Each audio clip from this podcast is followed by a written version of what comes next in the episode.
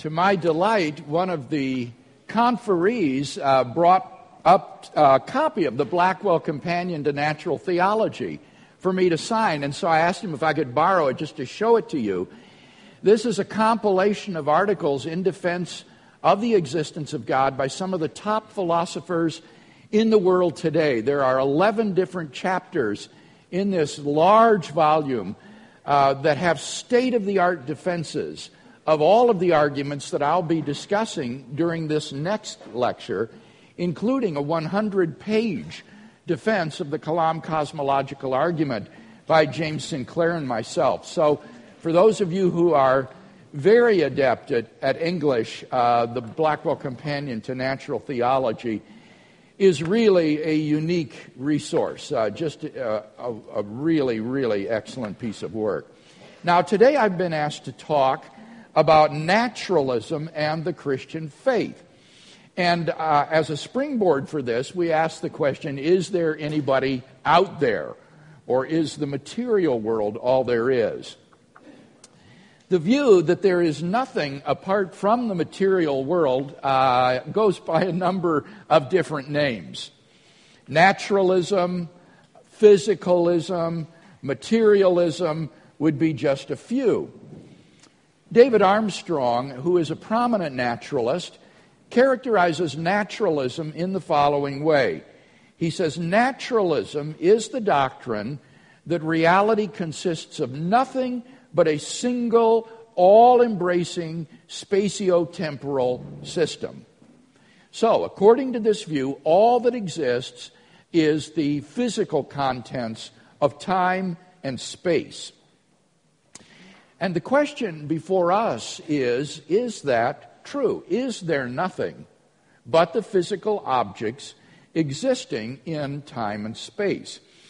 And I want to look at several reasons to think that this is not the case. I think that there are various aspects of reality which we encounter in our experience of the world that suggest that the physical world is not all there is. These serve, as it were, as signposts of transcendence, pointing beyond the natural world to its ground in a supernatural reality. And apart from some overriding reason to think that naturalism is true, I think we have to be open to the existence of such a transcendent reality. So I want to look at seven aspects of the world which suggest that, in fact, uh, there are more things uh, in heaven and on earth than are dreamt of in the naturalistic philosophy. I can only briefly sketch each of these points but I would refer you to a volume like the Blackwell Companion for further development.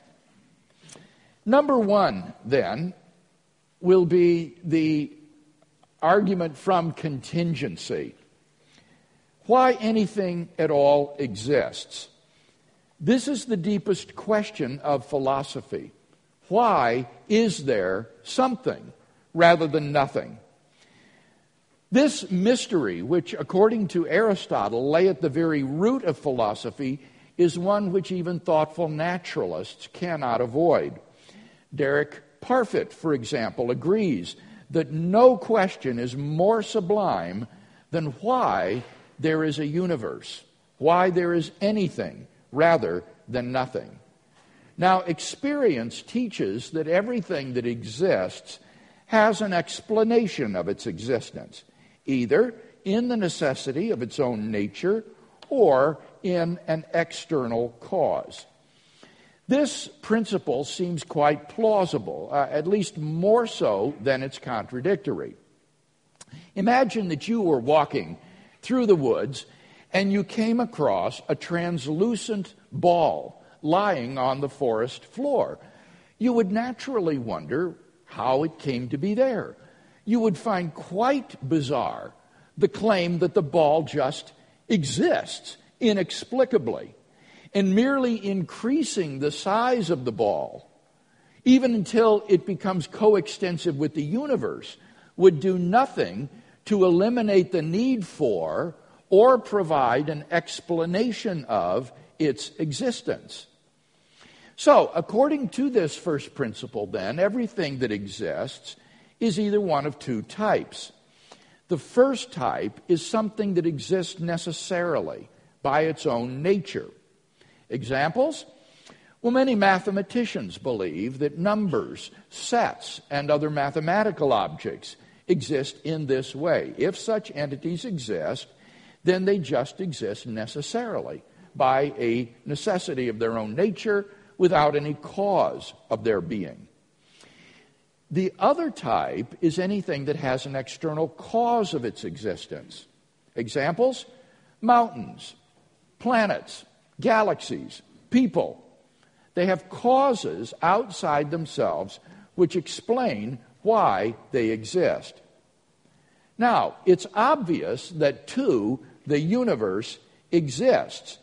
It therefore follows logically that the universe has an explanation of its existence. So, what sort of explanation could the universe have? Well, it seems plausible that three, if the universe has an explanation of its existence, that explanation is an external, transcendent, personal cause. Why?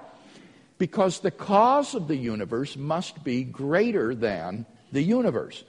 Think of what the universe is all of space time reality and its contents. So the cause of the universe must be beyond space and time, and therefore it cannot be physical or material. Now, there are only two th- kinds of things that could possibly fit that description either abstract objects like numbers, or else an unembodied mind or consciousness. But abstract objects can't cause anything. That's part of the definition of what it means to be abstract. And therefore, it follows for the explanation of the universe is an external, transcendent, personal cause. That is to say, there exists a metaphysically necessary, unembodied mind which created the universe, which is what most people have traditionally meant by the word God. So, it seems to me that this is a, a sound argument for thinking that the explanation of why anything at all exists is to be found in a personal, transcendent mind which is necessary in its existence and which is the cause of the contingent universe. Number two, the Kalam cosmological argument for the origin of the universe. We've already looked at this during our first uh, hour together, where I argued that we have good grounds both philosophically and scientifically for thinking that the universe is not infinite in the past, but had an absolute beginning. Philosophically, I argued that the idea of an actually infinite number of past events leads to various metaphysical absurdities. To quote David Hilbert, uh, the infinite, he says, is nowhere to be found in reality. It neither exists in nature nor provides a legitimate basis for rational thought. The role that remains for the infinite to play is solely that of an idea. But that entails that since past events are not just ideas in your mind, but are real, the number of past events must be finite, and therefore the universe began to exist. I also explained that in one of the most startling developments of modern science, we now have pretty strong evidence that the universe is not eternal in the past, but had an absolute beginning about 13.7 billion years ago. And what makes the Big Bang event so startling is that it represents the origin of the universe uh, from literally nothing, physically speaking. All matter and energy, physical space and time themselves, came into being at the Big Bang. As the physicist P.C.W. Davies explains, and I quote, the coming into being of the universe, as discussed in modern science, is not just a matter of imposing some sort of organization upon a previous incoherent state, but literally the coming into being of all physical things from nothing. But if the universe began to exist, then surely there needs to be a cause of the universe beyond space and time which brought the universe into being. The idea that the universe just popped into being uncaused out of nothing is, in the words of the German philosopher of science, Bernulf Kanitscheider, and I quote, in head on collision with the most successful ontological commitment in the history of science namely the principle that out of nothing, nothing comes. So, why does the universe exist instead of just nothing? There must have been a cause which brought the universe into being. And thus we may argue as follows whatever begins to exist has a cause, the universe began to exist, and therefore the universe has a cause. And then we can deduce from this uh, the properties of this being, and we're led to an uncaused, changeless, beginningless, timeless, spaceless, immaterial, enormously powerful, personal creator of the universe. Since we've already discussed this, I won't go into any details, but we'll hurry on to the third argument, which concerns the teleological argument from the fine tuning of the universe for intelligent life. During the last half century, scientists have discovered that the existence of intelligent life depends upon a delicate and, bal- uh, delicate and complex balance of initial conditions which were simply given in the Big Bang itself. Scientists once believed that whatever the uh, initial conditions of the universe were, eventually intelligent life might evolve somewhere in the cosmos. But we now know that intelligent life is balanced on a knife's edge of incomparable fineness. The existence of intelligent, interactive, embodied life anywhere in the cosmos depends upon a conspiracy of initial conditions which must be fine tuned to a degree that is literally incalculable and incomprehensible. This fine tuning is of two sorts. First, when the laws of nature are expressed as mathematical equations, you find appearing in them certain constants, like the gravitational constant. These constants are not determined by the laws of nature. The laws of nature are consistent with a wide range of values of these constants. Second, in addition to these constants, there are certain arbitrary quantities which are just put in as initial conditions on which the laws of nature operate.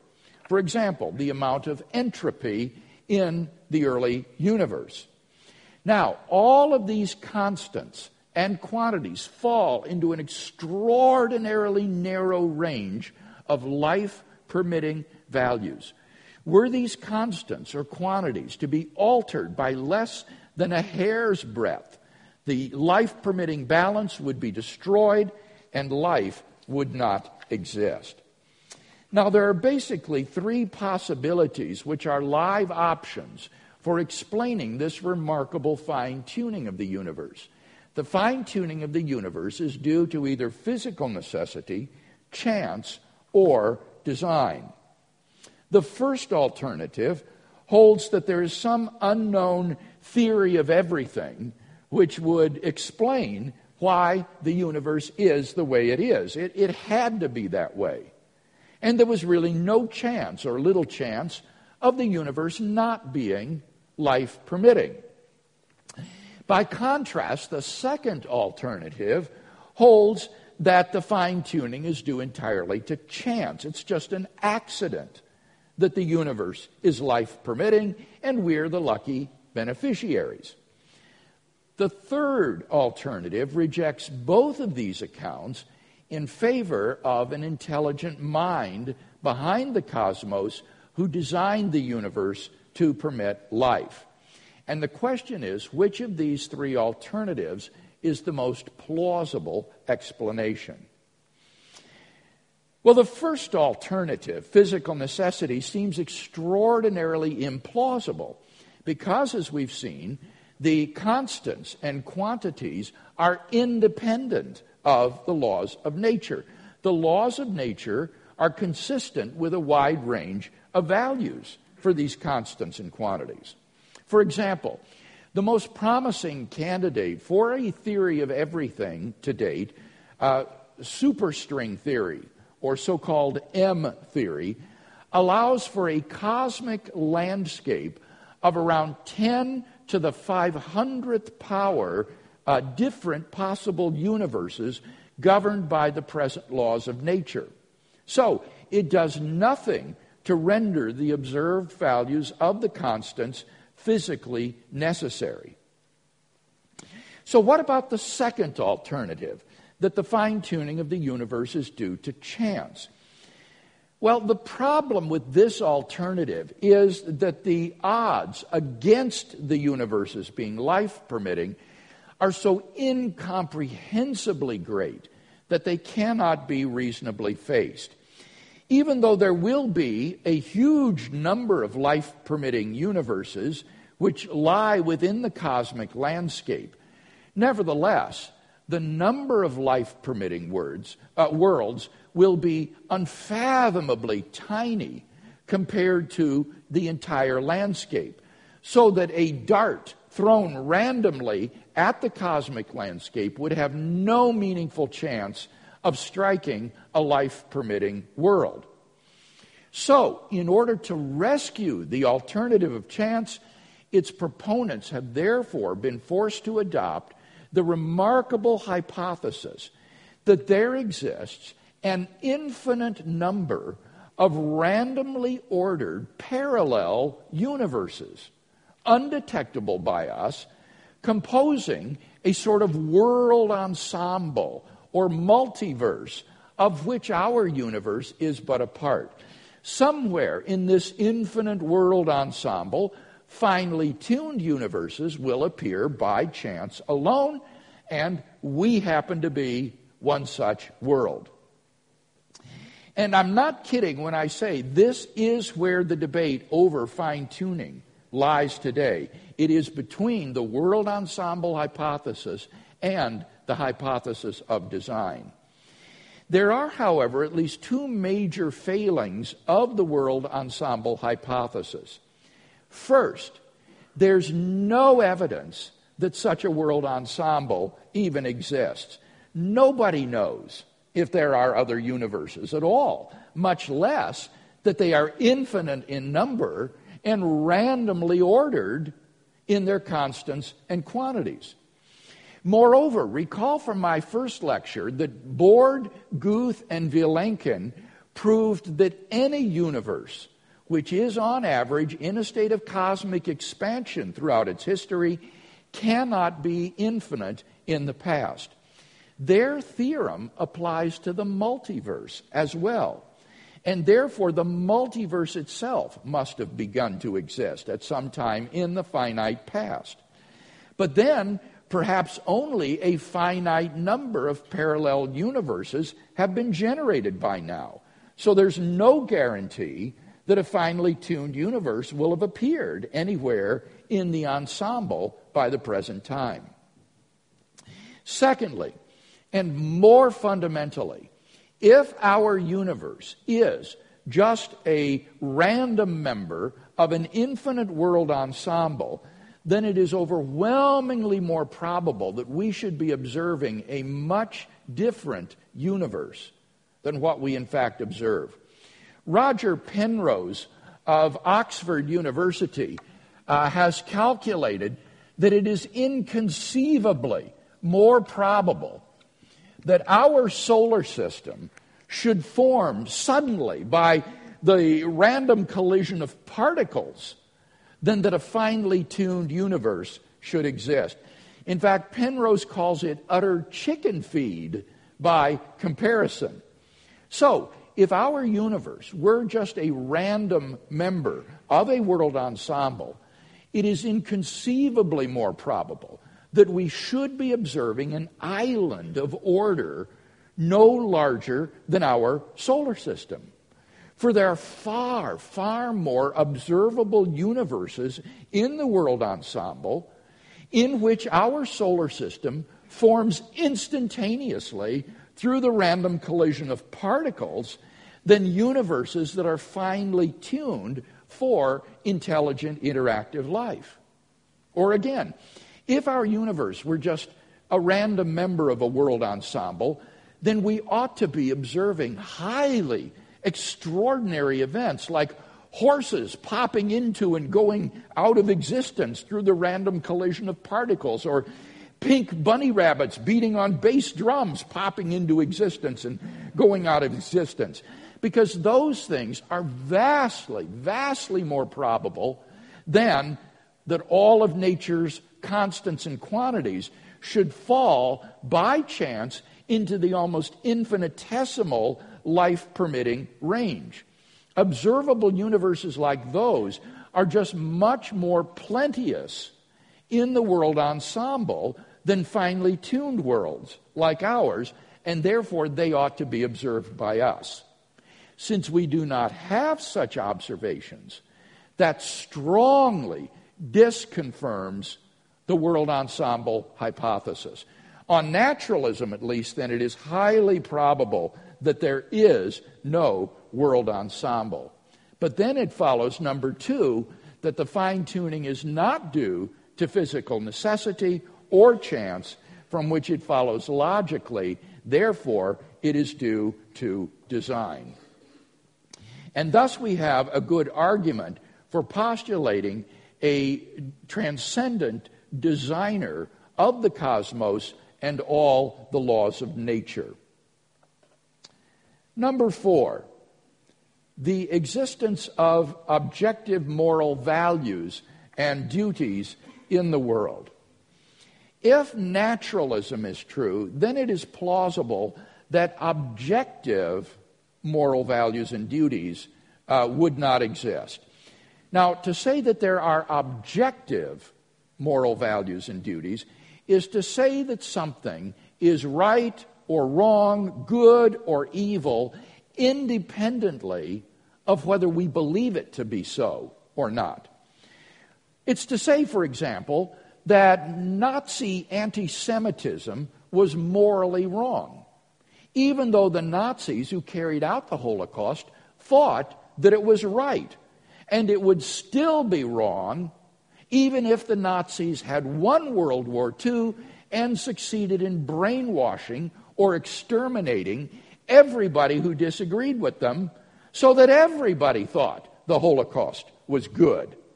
And the claim here is that in the absence of God, moral values and duties would not be objective in that sense. So, premise one if God does not exist, objective moral values and duties do not exist. Now, many theists and atheists alike concur on this point.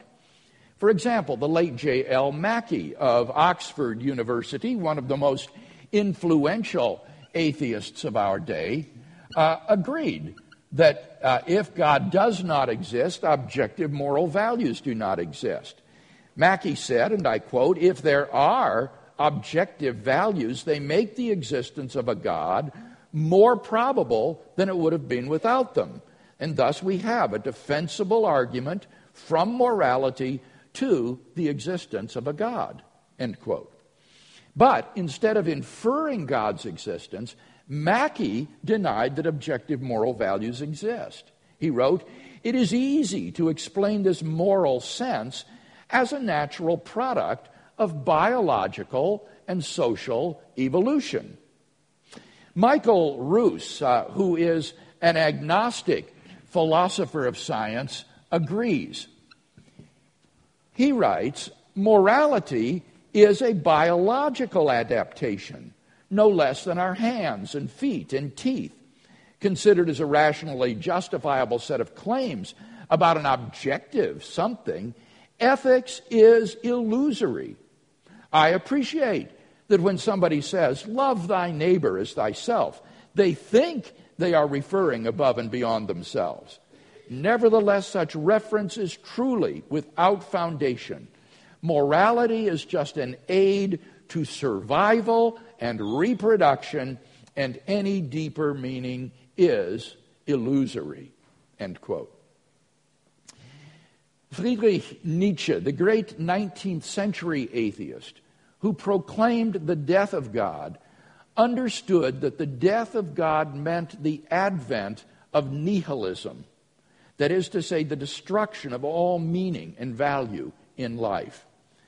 I think that Friedrich Nietzsche was right. But we've got to be very careful here. The question here is not must we believe in God in order to live moral lives? I'm not claiming that we must. Nor is the question can we recognize objective moral values without believing in God? I certainly think that we can. Rather, the question is if God does not exist, do objective moral values exist? And like Mackie and Ruse, I just don't see any reason to think that in the absence of God, the morality evolved by Homo sapiens on this planet is objective. After all, on a naturalistic view, what's so special about human beings? They're just accidental byproducts of nature, which have evolved relatively recently on an infinitesimal speck of dust called the planet Earth, lost somewhere in a hostile and mindless universe in which are doomed to perish individually and collectively in a relatively short time. On the naturalistic view, some action, say rape, may not be socially advantageous. And so, in the course of human development, it has become taboo in human society. But that does absolutely nothing to prove that rape is objectively, morally wrong. On the naturalistic view, there's nothing really wrong with raping someone. Such activity goes on all the time in the animal kingdom. So without God, there is no absolute right and wrong which imposes itself on our conscience. But the problem is that two objective moral values and duties do exist. In moral experience, we apprehend a realm of objective moral values and duties that impose themselves upon us.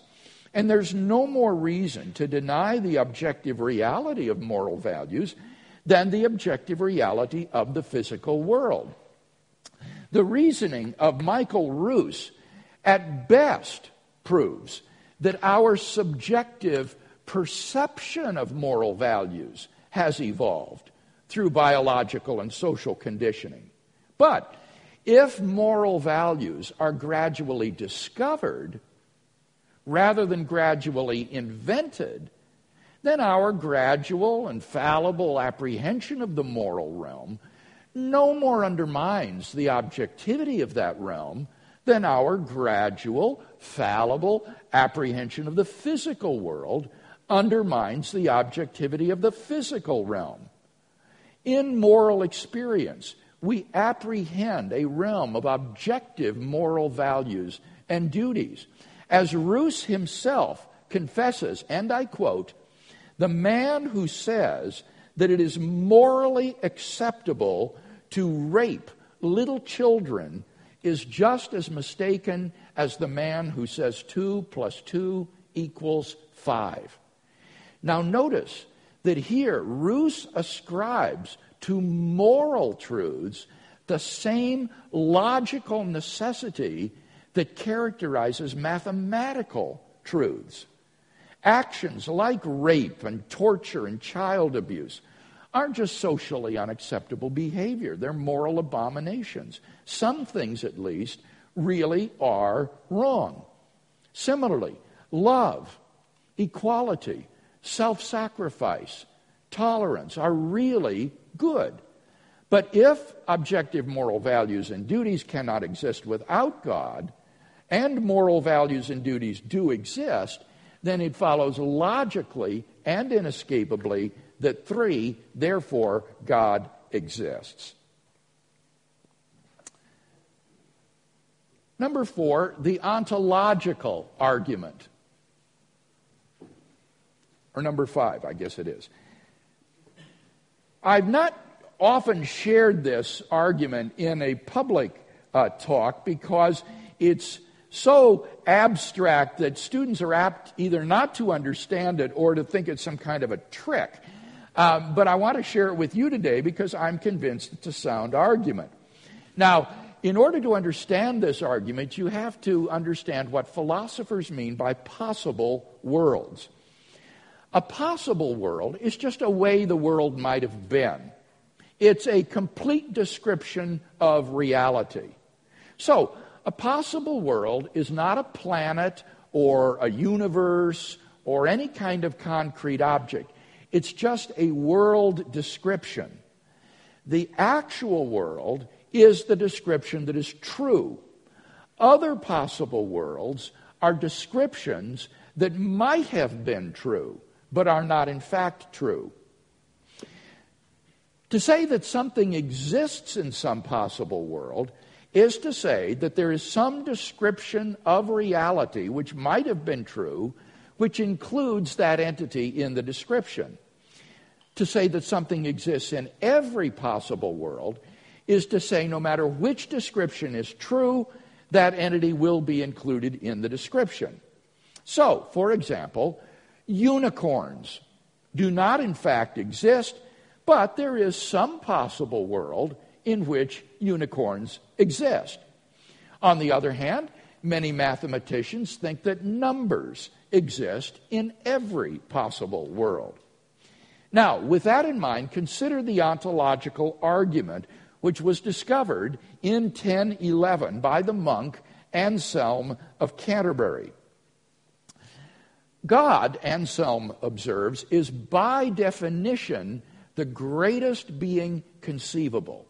If you could think of anything greater than God, then that would be God. And thus, God is the greatest conceivable being, a maximally great being. So, what would such a being be like? Well, he would be all powerful, all knowing, uh, and all good, and he would exist in every logically possible world. A being which lacked any of those properties would not be maximally great. We could conceive of something greater. But what that implies is that if God's existence is even possible, then God must exist. For if a maximally great being exists in any possible world, it exists in all of them. That's part of what it means to be maximally great, to be all powerful, all knowing, and all good in every logically possible world. So, if God's existence is even possible, it follows that he exists in every logically possible world and therefore in the actual world. We can summarize this argument as follows. One, it is possible that a maximally great being, or God, exists. Two, if it is possible that a maximally great being exists, then a maximally great being exists in some possible world. Three, if a maximally great being exists in some possible world, then it exists in every possible world. Four, if a maximally great being exists in every possible world, then it exists in the actual world.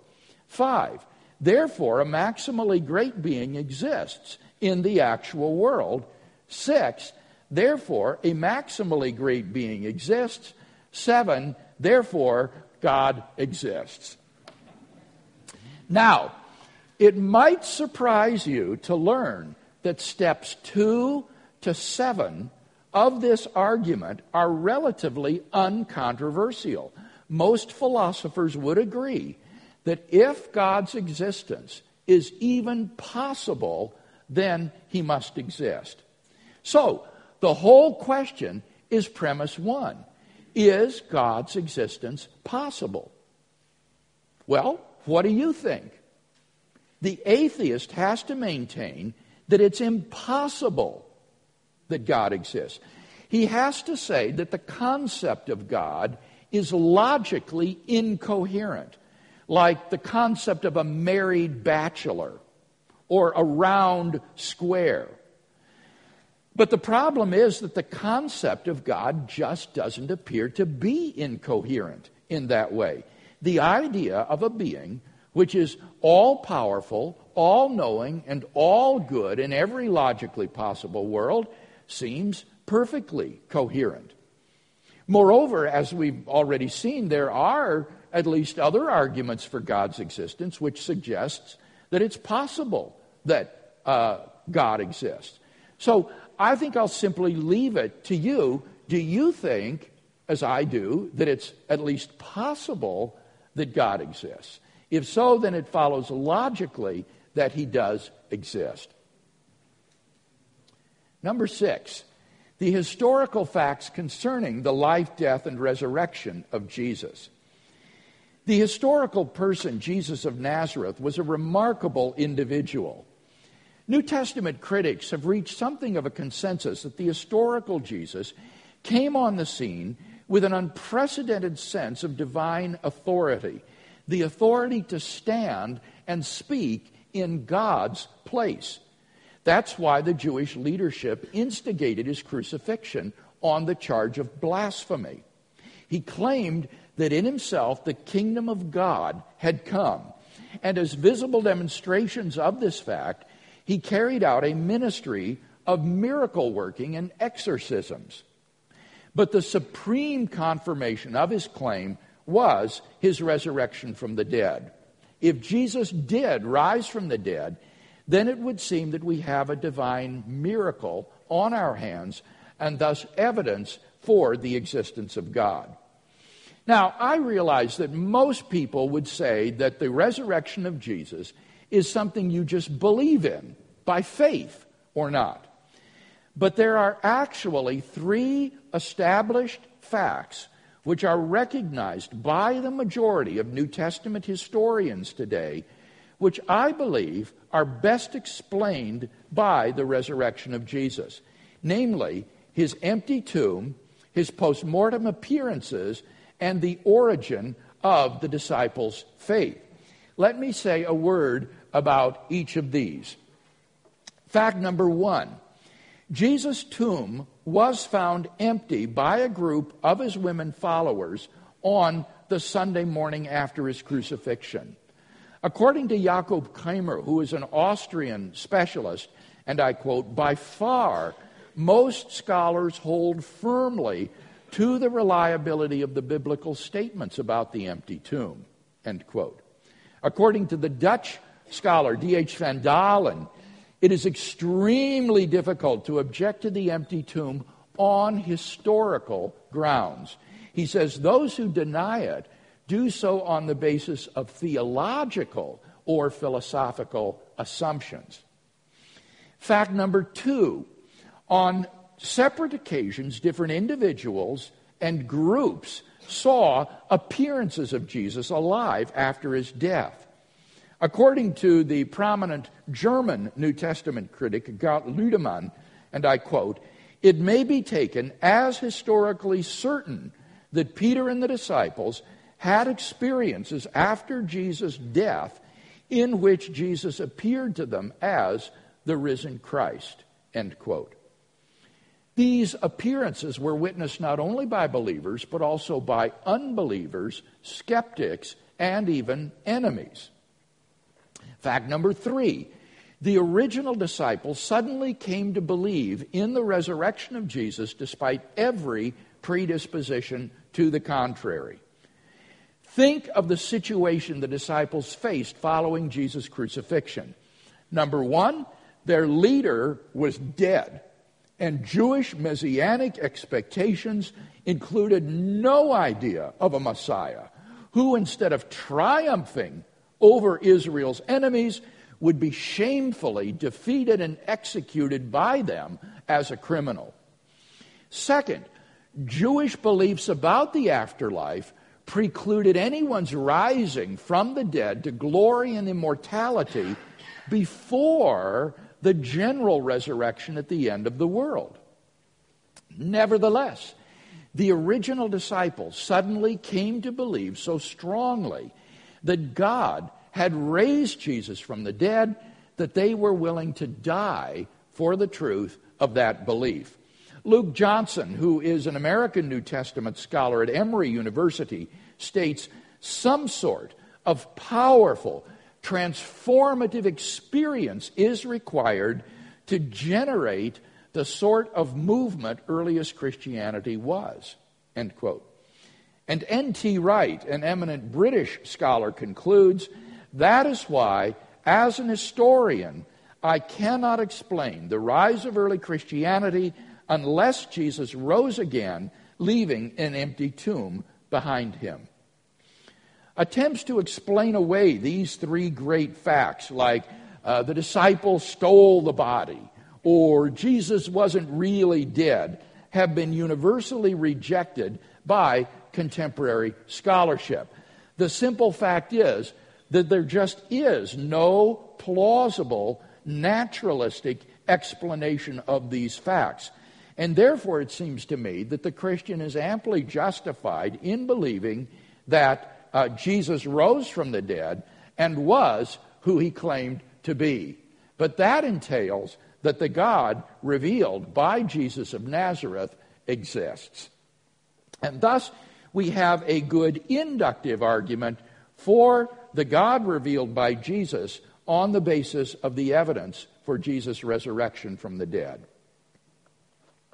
Finally, number seven, the immediate experience of God. Now, this isn't really an argument for God's existence. Rather, it's the claim that you can know that God exists wholly apart from arguments simply by immediately or personally experiencing Him. This was the way that people during the Bible times knew God. As Professor John Hick explains, and I quote God was known to them as a dynamic will, interacting with their own wills, a sheer given reality, as inescapably to be reckoned with as destructive storm and life giving sunshine. They did not think of God as an inferred entity, but as an experienced reality. To them, God was not an idea adopted by the mind, but an experiential reality which gave significance to their lives. End quote. Philosophers call beliefs like this properly basic beliefs. They're not based on other beliefs, rather, they're part of the foundation of a person's system of beliefs. Other properly basic beliefs would include the belief in the reality of the past, the existence of the external world, and the presence of other minds like your own.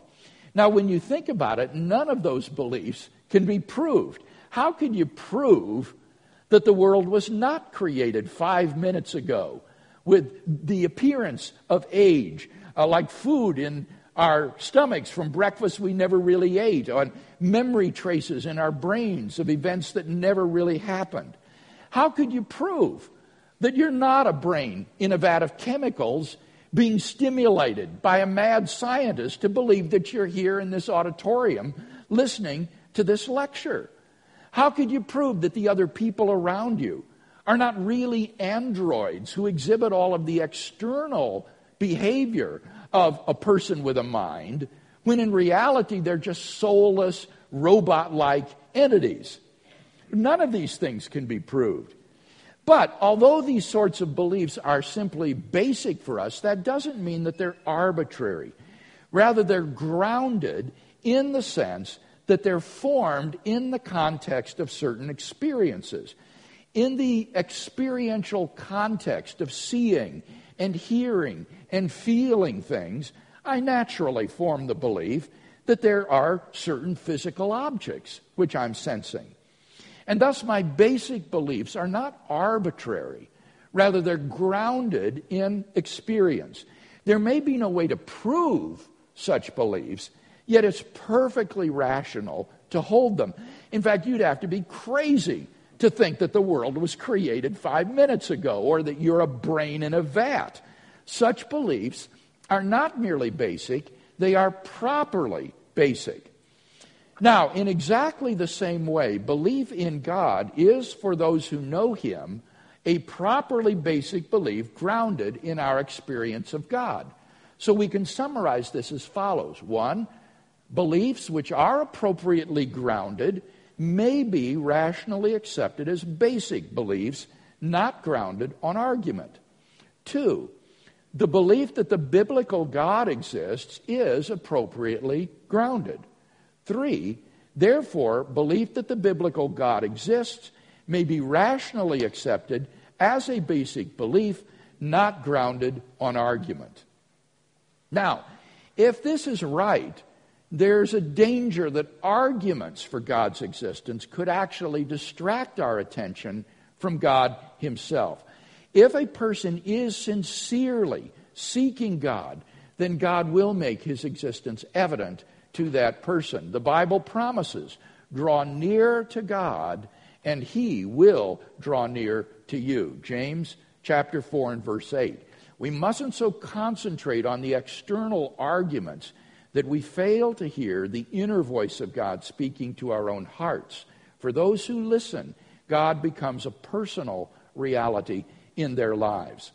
So, in summary, then, we've seen seven features of the world around us which point beyond the world to its ground in a transcendent reality. One, why anything at all exists. Two, the origin of the universe. Three, the fine tuning of the universe for intelligent life. Four, objective moral values and duties in the world. Five, the very possibility of God's existence. Six, the life, death, and resurrection of Jesus. And seven, the immediate experience of God. Is the material world all there is? Well, I think that together these seven reasons constitute a powerful cumulative case for thinking that the answer is no, and that the material natural world is grounded in a transcendent and personal creator of the universe.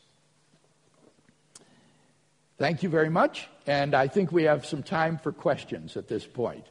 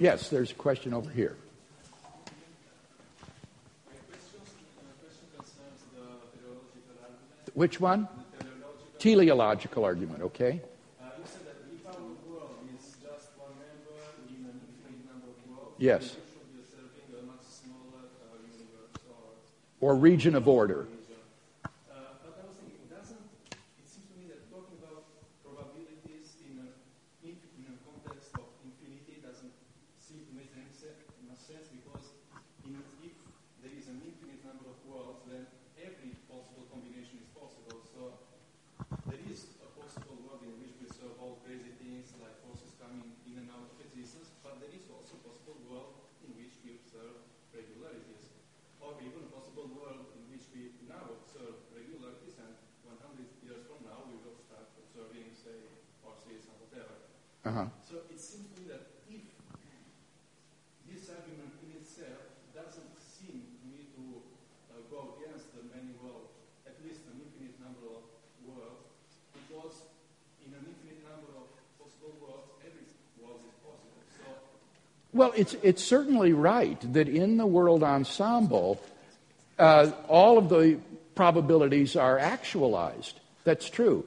But the point is that in a random pick from this world ensemble what would be the most probable uh, world that would come up.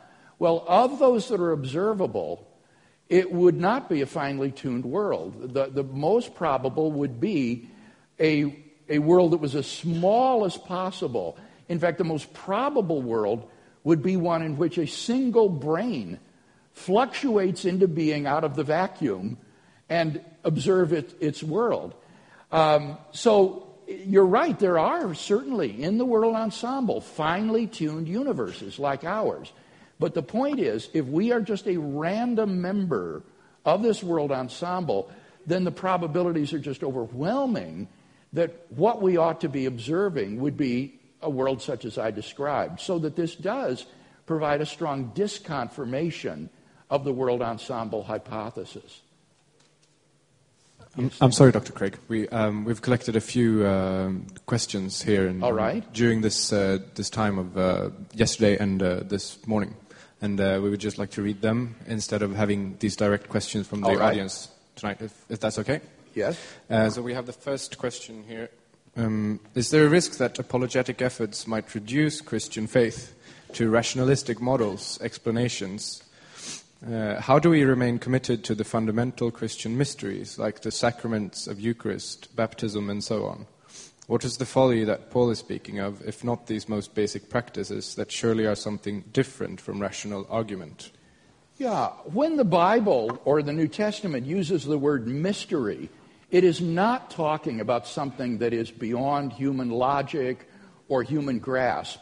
I know that's the way many people use it in popular piety, but look at the way Paul uses the word mystery. What he's talking about is something that has not been previously revealed, but is now revealed through Jesus Christ. For example, the mystery that God's intention all along has been to reconcile Gentiles along with Jews as part of his redeemed people. He says this was a mystery hidden for ages and generations in God, but is now made known through his apostles and prophets. So it, it's simply incorrect to think that the New Testament uses the word mystery to indicate things beyond human logic or, or rationality. Um, I would say that God, being uh, an infinite mind, is certainly beyond our comprehension as finite knowers. But that doesn't mean that there is not a range of truths about God that we can establish. For example, if these arguments are sound, they give us good reason to believe that there's a creator and designer of the universe who is absolutely good and the source of moral values in the world. And that doesn't do anything to remove the fact that this being is still inexhaustible in his profundity so that we can never plumb the depths of, of God. So to say that we can have accurate, partial knowledge of God, including knowledge of his existence, isn't to say in any way that we can know everything about God. Thank you. Um, you claim that the cause of the universe is equivalent to the theistic or Western notion of God, but why couldn't it be someone like Odin or Thor? Because uh, Odin and Thor are biological uh, entities somewhat like a human being. They have a physical body which exists in time and space and therefore cannot be the cause of the origin of the universe. They cannot be uh, uh, the cause of the initial singularity or the Big Bang, in which time and space, matter and energy originated. And so this argument eliminates all of these polytheistic uh, religions which think of the gods as these humanoid, physical entities that uh, have sexual relations, that eat and drink and do all of these sorts of things. Um, those are eliminated by this argument, along with things like the flying spaghetti monster, uh, which is also a physical entity composed of matter and therefore cannot be the transcendent cause of the origin of the universe. So if you just think about what these arguments prove, if sound, I think you can see that they really narrow down the field of the world's religions to the great monotheisms Islam, Judaism, Christianity, deism. But they eliminate polytheistic religions, they eliminate pantheistic religions like Hinduism, Buddhism, they eliminate non theistic religions like Confucianism so, really, it, it, these arguments, if they work, narrow the field down to the great monotheisms. And then I would appeal to the resurrection of Jesus for narrowing the field even further from the great monotheisms to Christian monotheism. I have experienced that there is a, not only a need for apologetics in society, but also in the church itself. However, apologetics are often looked upon with skepticism. Typical objections to the practice of apologetics are, for example, you're trying to make the faith so intellectual, or is, this is too complicated and will only hinder people from having faith in Christ. Or I feel that people doing apologetics are arrogant. What can I tell Christians who think like this, and can apologetics go wrong? Well, there are several questions. Of course, apologetics can go wrong. Uh, there's a danger in doing apologetics of becoming argumentative and defensive and being an abrasive personality. So 1 Peter 3:15 says we should always give the reason for the hope within with gentleness and reverence or respect. So obviously we need to inculcate those biblical values. Um, uh, the, uh, some of the other questions that were. What can that, I tell Christians who think that apologetics is sort of an intellectualizing uh, enterprise? Right. Uh, certainly it does emphasize the life of the mind, but I think the pendulum has swung way too far the other way. I think we need to pull the church back to recognizing the richness of the truth of the Christian faith and that as disciples, we are called to be learners. That's what the word disciple means in the Greek. It means a learner. And too many Christians have become brain dead uh, in their faith. They, uh, and that's so wrong. Christian faith is an, is an inquiring faith. As St. Anselm said, it is a faith that seeks understanding. So we ought to be on a never ending quest for a deeper knowledge and understanding of God. And as for being a barrier to faith, nothing could be more false than that, as I think the examples that I gave last night illustrated. Uh, people are walking away from the faith today in our churches because they think there's nothing to it intellectually. And when people hear good arguments and evidence, very often, uh, if they're open minded, they can come back to faith with relief and say, Oh, I'm so glad that someone was able to answer my questions or provide some ground for thinking that this is true. So these folks, I think, are just completely wrong in, in, in the fears that they're expressing. Uh, the great part of the questions were actually on Molinism, uh, or God's relationship to time uh, and uh, his foreknowledge. Uh, so I think we'll have to save those questions for your seminar later. And, uh, right. But we do have time for one or two more questions from the audience. Okay, good. There's, there's one back there.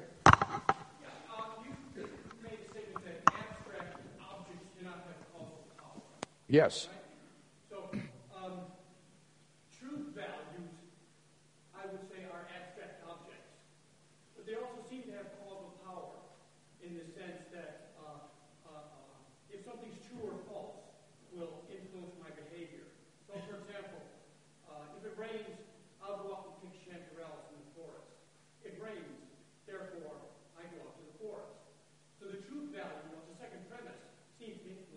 Yeah. In terms of going out and picking chanterelle. So it seems that there's, there's a, a, an example of uh, an abstract object having. Mm-hmm.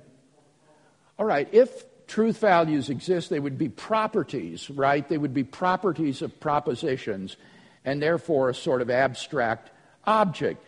But is it correct to say that it's that abstract object that influences your behavior to go out and pick uh, flowers? Not at all. It's the rain that influences your going out to pick the flowers. It's not the truth value of some object existing beyond time and space, right? It's, you said, if it's true that it rains, I will go pick the thing. That's simply another way of saying, if it rains, I will go pick the, the, the flowers. So, truth in this case really becomes somewhat redundant uh, you can just eliminate any talk of it by just saying, if it rains, I will go pick the flowers. So I don't think in this case there's any kind of causal relation between these truth values and your behavior.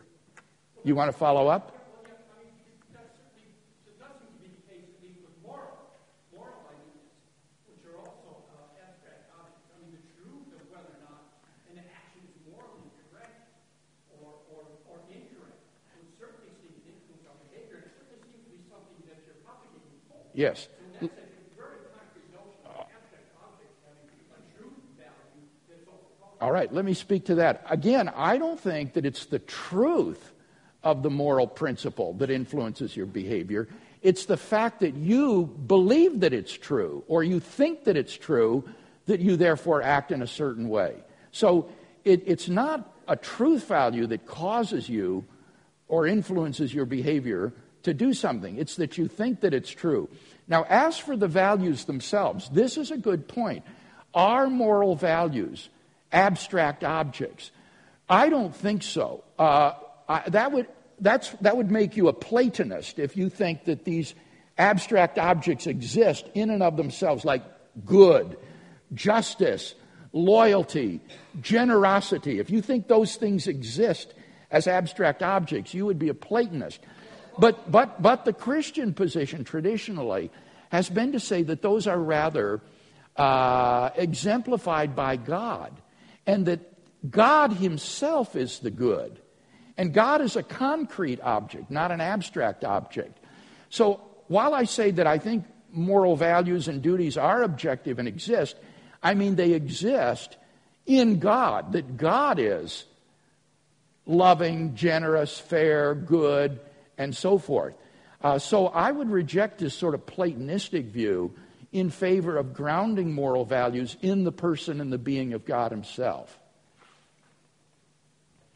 Another question. Yes, over here. I have a question about the moral argument and the problem of evil. Mm. Um, the, problem, the moral argument shows that necessarily personal being exists, which is the anchor for moral values and duties. Uh, but that doesn't show that God is also almighty. Can Right. the moral argument show God is also almighty? He, he asks if we can use a moral argument to show that God is all powerful or omnipotent. I don't know how to do that. Uh, maybe it can be done, but I don't know how. Uh, these arguments establish different facets or properties of God, and that's why I think the case for theism is a cumulative case. The cosmological argument and the teleological argument don't give you the moral properties of God. For example, God could be an absolute stinker, for all we know, from the cosmological and teleological argument, but the moral argument gives you his moral properties. But similarly, I don't think the moral argument tells you that God is the creator of the universe or that he's all powerful. I, it seems to me that that's, I don't know how you would deduce that from a moral argument. So I like that feature of these arguments. They, they're modest, they don't try to prove everything but each one establishes certain properties or facets of God.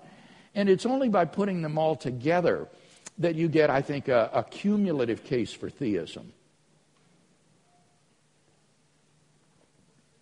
Uh, yes. If I understood you correctly, after we got all through this, we're still just in the end role and in a playoff between the monotheistic religions. How do you usually go on from there to argue in favor of one? One theistic religion, you said? Monotheistic ones. I mean, you said that, that these argue for Islam and Yes. Judaism. How do you usually go on from there to argue in favor of, say, Christianity? In, in favor of what? Well, I, I did that. Uh, the first four or five arguments give you a transcendent, metaphysically necessary personal creator and designer of the universe who is absolute goodness. The argument from the resurrection of Jesus is the one that narrows it down to Christian theism and gives us grounds for believing that God revealed by Jesus exists. In fact, in all candor, in one sense, the argument for Jesus' resurrection isn't really an argument for the existence of God.